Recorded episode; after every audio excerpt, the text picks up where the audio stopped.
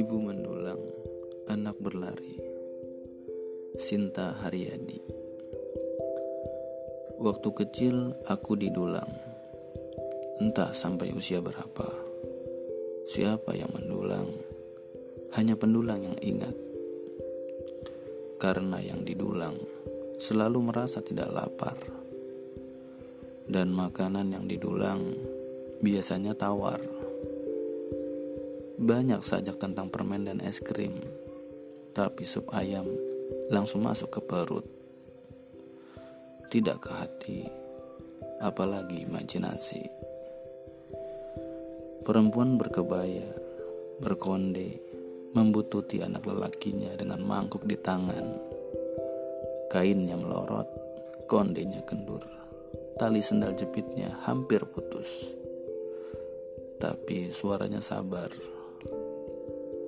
Sendok diacung-acungkan, bagai pentungan membuyarkan ayam-ayam.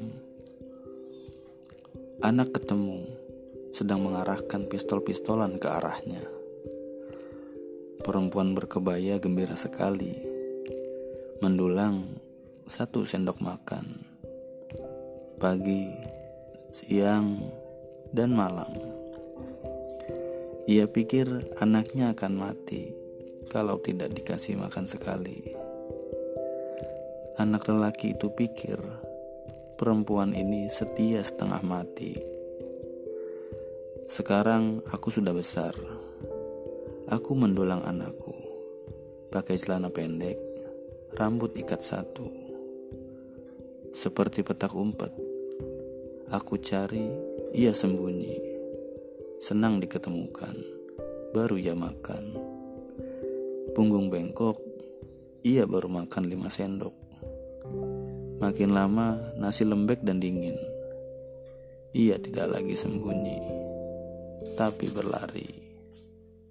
Sampai anak besar pun, ibu mendulang. Bukan nasi, tapi wejangan. Seakan-akan ibu tahu yang terbaik.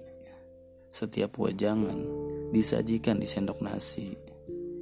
Ah, Anak emoh, ibu mengekor. Anak kabur, ibu terkecoh. Ah, anak jengah, ibu mengejar. Anak pikir dari dulu ibu edan. Sampai tua ibu mendulang, sampai ingatan hilang baru mengerti bahwa anaknya sudah pergi sejak bisa makan sendiri. Anak datang ketika ibunya mati. Biarkan anak juga datang ketika ia lapar.